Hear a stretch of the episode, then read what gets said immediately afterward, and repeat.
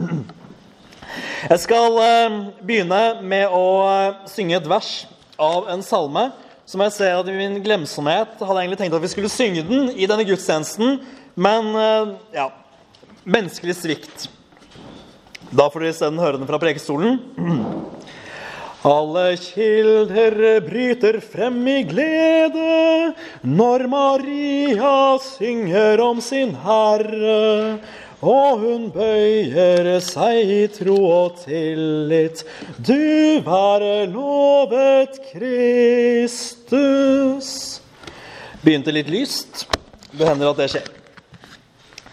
Jeg ville ha med den eh, salmen eh, fordi den sammen med den vi akkurat sang, 'Maria gikk i tornesnar', den holder på en god måte sammen det som er viktig med Maria budskapsdag og jomfru Maria. Fordi det er litt underlig. Midt i fastetiden, en alvorspreget og tidvis tung periode i kirkeåret, så kommer denne festdagen. Og Grunnen er at vi nå befinner oss ni måneder før jul. Og det var naturlig at dette var Jesu unnfangelsesdag. Og man regnet jo at det var dette, altså den dagen Jesus ble unnfanget, at Maria fikk budskapet om at hun skulle bli med barn, og at Jesus ble unnfanget ved Den hellige ånd. Fordi tradisjonen den oppsto ganske tidlig i kirken at hellige mennesker de døde på den dagen de ble unnfanget. Og langfredag, det året Jesus døde, det må da altså ha vært 25. mars, for det var det man regnet som hans dødsdag. Og da var det naturlig å følge at dette var hans unnfangelsesdag også. Og hvis vi regner ni måneder fram i tid, så har vi da 25. desember. Så uansett hva Human-Etisk Forbund måtte fortelle dere, så er ikke 25. desember opprinnelig en hedensk høytid.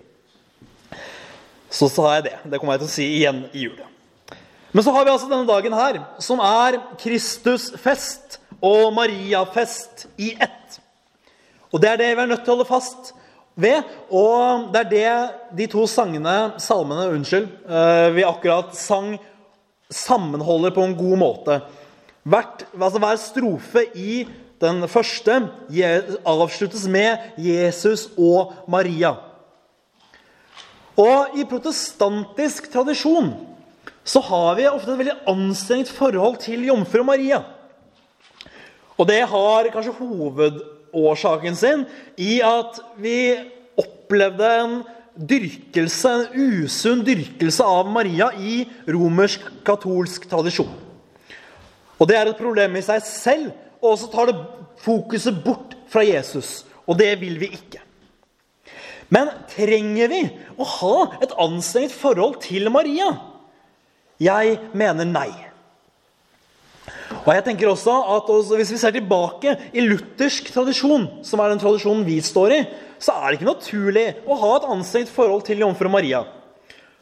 Og vi kan finne at Luther selv hadde stor aktelse for Guds mor. Og Jesus selv hadde stor aktelse for sin mor. Og hvem var hans mor? Jo, Maria. Fordi hva står det i det fjerde bud? Konfirmanter, dere skulle fått svare, men dere skal slippe. Men du skal hedre din far og din mor. Og Jesus holdt alle budene perfekt, også dette. Og så har jeg lyst til å si noe om denne tanken som har oppstått de siste tiårene, om at Bibelen er mannsdominert og kvinnediskriminerende. Og jeg tror at dette her er et problem som har oppstått ikke bare, men litt. Fordi man sliter med å forholde seg skikkelig til Maria. Ok, Så er kanskje menn nevnt i flertall i Bibelen, men hør nå her. Maria er den viktigste kvinnen i hele Bibelen. Og altså, Nå har jeg skrevet i hele Bibelen i notatene mine, men hele verdenshistorien. Hun fødte Jesus! Hvor bra er ikke det? Og hun er kanskje den viktigste personen i Bibelen ved siden av Jesus. Det vil jeg stå for. La gå om menn nevnes flere ganger hvis de mennene var skikkelig kjipe.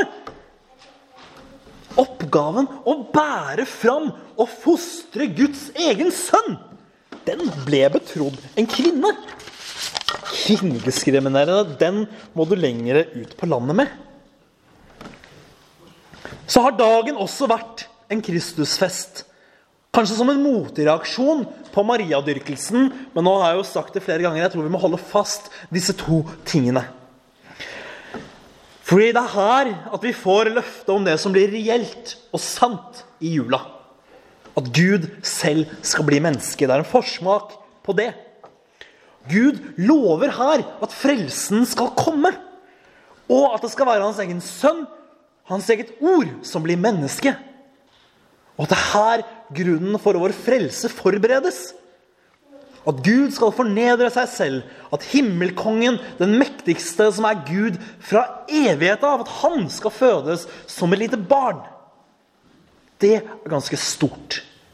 Og det gjør at denne, at denne dagen, denne festen, også har vært en fest for Jesus. Og det må vi holde fast ved, for alle, alle høytider er for Jesus. Men vi skylder også å ære Guds mor. Var Maria Guds mor? Det fins de som reagerer på dette uttrykket, men jeg vil si at ja, det var hun. For det følger logisk. Hvem sin mor var hun? Jo, hun var Jesus sin mamma. Hvem er Jesus? Jo, Jesus er Gud selv. Altså er Maria Guds mor. Og hun skal æres. Hun skal ikke dyrkes, men hun skal æres. Vi ærer jo mennesker. Når noen gjør noe bra, da klapper vi og vi sier 'oi, han var, eller hun var flink', og det var bra. Og det er jo ikke galt. Og Maria hun fortjener ære på samme måte, og kanskje enda mer. Hun bar fram Herren selv. For det er visse problemer når vår reaksjon på den katolske helgendyrkelsen blir for voldsom. Vi skal ikke tilbe. Vi skal heller ikke be til jomfru Maria. Tilbedelsen og bønnen skal rettes til Kristus alene. Men så får du strømninger som hevder at Maria hun var kun mor til Jesu kropp. Og kun til Jesus, Jesus sin menneskelighet og slike ting. Og det blir bare rør. Jeg har vært borti også strømninger som med de samme logiske tankerekkene ender opp med å mene at å gjøre korsets tegn på seg selv at det er djevelsk bare fordi det ikke står i Bibelen at man skal gjøre det. Det blir kaos. Men ok Hva kan vi lære av Maria? Og jeg tror det er tre ting vi kan lære av Maria. Det første er dyp tillit til sin Gud. Dyp tillit til Herren. Om at det han har sagt, det er godt. Og at det han skal gjøre, det holder han fast ved. Og så det andre villighet. Fordi noen ganger så kreves det villighet også fra vår side til å gå inn i en dyp, intim relasjon med Herren. Hun ble hans mor. Det er ikke mulig at vi går inn i den typen relasjon. Men også vi kan få en dyp og god relasjon med Herren, med Jesus. Det er tilgjengelig for oss også. Når vi tror på Jesus, så går vi inn i en dyp relasjon med ham. Men det krever også litt villighet fra vår side. Og så det tredje villighet til å la seg bruke av Gud.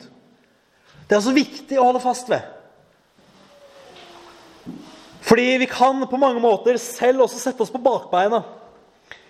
Da Maria fikk budskapet fra engelen og Nå har jeg ikke Bibelen foran meg her, den ligger der nede. Men hun sa vel noe sånn som 'Jeg er Herrens tjener, la det skje med meg som Han har sagt'. Gud kan bruke oss på mange forskjellige måter til mange forskjellige ting. Det finnes ikke det mennesket som Gud ikke kan bruke. Men jeg tror også at Gud kan også absolutt tvinge oss noen ganger. Men Gud er den frie viljes Gud. Gud vil ha villige hender.